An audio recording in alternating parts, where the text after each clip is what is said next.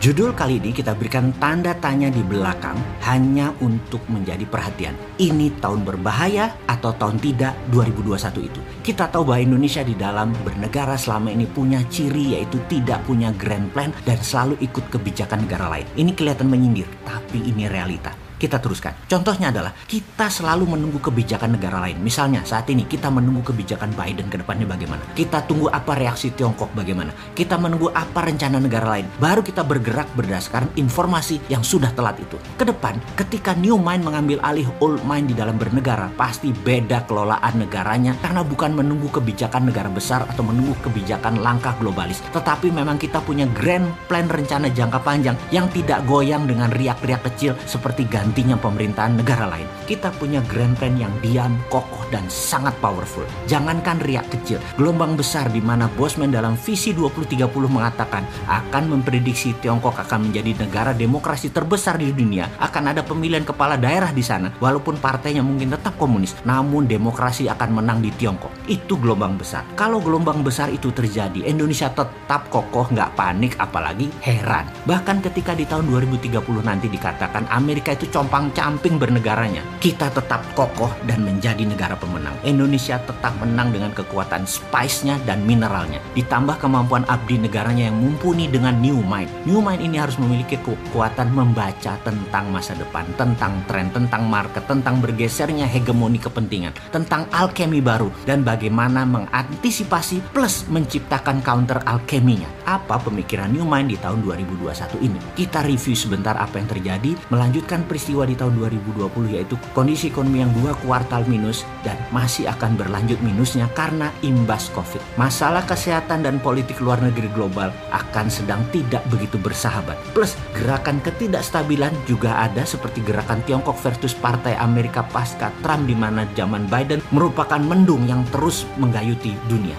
Efek BUMNisasi di Indonesia mengubah peta arus uang di masyarakat dan akan mengalami puncak turmoilnya di tahun 2021 ini. Salah satu efeknya adalah pertumbuhan konsumen kelas menengah yang menjadi pilar kekuatan ekonomi domestik menurun. Tetapi kombinasi dengan the bad atau negatif tren tadi, situasi jangka pendek plus dengan the good atau tren globalis, struktural, dan jangka panjang. Globalis itu masih good. Inilah yang akan menghasilkan sebuah dinamika lingkungan bisnis yang menantang. Karena goodsnya milik globalis, badnya milik negara tidak berdaulat. Dan bagaimana kita memanfaatkannya dulu di awalnya milik globalis itu adalah seni menarik untuk kita keluar untuk menjadi negara berdaulat. Kita hanya mengingatkan tahun 2020 kemarin, growth kita negatif dibandingkan tahun-tahun sebelumnya. Mungkin pertumbuhan di tahun 2021 ini paling pol 2 persenan. Ya, tapi jujur deh, banyak yang nggak peduli dengan angka-angka tren pertumbuhan nasional. Kenapa? Karena bagi kita selama di kantong kita ada uang untuk makan, kita aman. Tapi kalau di kantong menipis karena bernegaranya cemen, ya rakyat akan teriak juga. Secara pribadi, mohon izin, saya bertanya, kantong sahabat saat ini, cek kantong sahabat.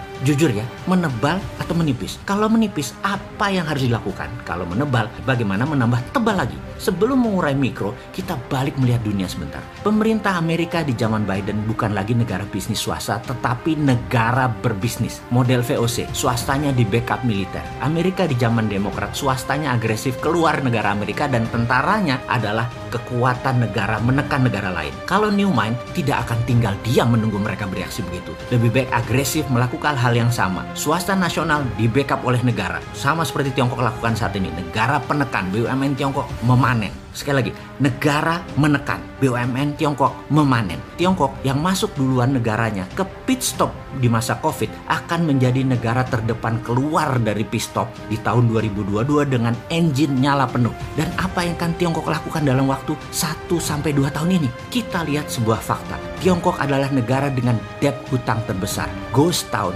bangunan di Cina yang kosong banyak. Bangunan raksasa yang masif namun gagal banyak. Utang luar negeri Cina banyak dan besar sekali. Tapi itu semua hanya strategi memutar uang cepat agar ekonomi memutar cepat di mana mereka punya solusinya dan ini patut kita tiru. Dengan strategi obor, Tiongkok ekspansi. Obor memberikan hutangan kepada negara yang dalam tanda petik haus namun pendek akal. Proyek cepat kaya padahal ini adalah jebakan obor. Pinjaman uang Cina tadi dijaminkan proyeknya. Kalau perlu Tiongkok minta jaminan pemerintah atau sovereign garanti sebuah negara. Dalam pembukuan di negara Cina yang namanya debt swap, hutang Tiongkok yang besar tadi, asetnya ditukar dengan utang dari negara pengambil uang obor. Catatan, Cina ekspansinya pakai BUMN, di Cina dicatat dalam pembukuannya bisa disuap ke APBN Cina setelah aset negara lain plus jaminan negara setempat melengkapi kekuatan Tiongkok. Tiongkok beri bunga tentunya kepada negara peminjam katakanlah 8 sampai 9 persen. Padahal Tiongkok dapat bunganya hanya 3 sampai 5 persenan. Sudah dapat selisih bunga, aset hutang disuap, dapat jaminan lagi. Beuh, sempurna sekali cara mereka bernegara. Dan Indonesia terpesona, Bo. Diambil loh bullshit itu sama satu pejabat, kita kena bunga tinggi, kena trap jebakan aset yang nanggung rakyat semesta hingga anak cucu. Dan pastinya 2022, 2033 akan kerasa banget karena cash flow kita menipis. Indonesia di masa ekonomi bas karena kebijakan tidak pro pengusaha sekarang menghadapi risiko besar di tahun 2021 ini. Kebijakan peningkatan pajak dan pemangkasan anggaran belanja Indonesia secara otomatis akan menimbulkan jurang fiskal atau fiskal cliff. Risiko besar dari kebijakan memangkas secara tajam defisit anggaran ini adalah akan terjadi kelangkaan peredaran uang di sepanjang tahun 2021.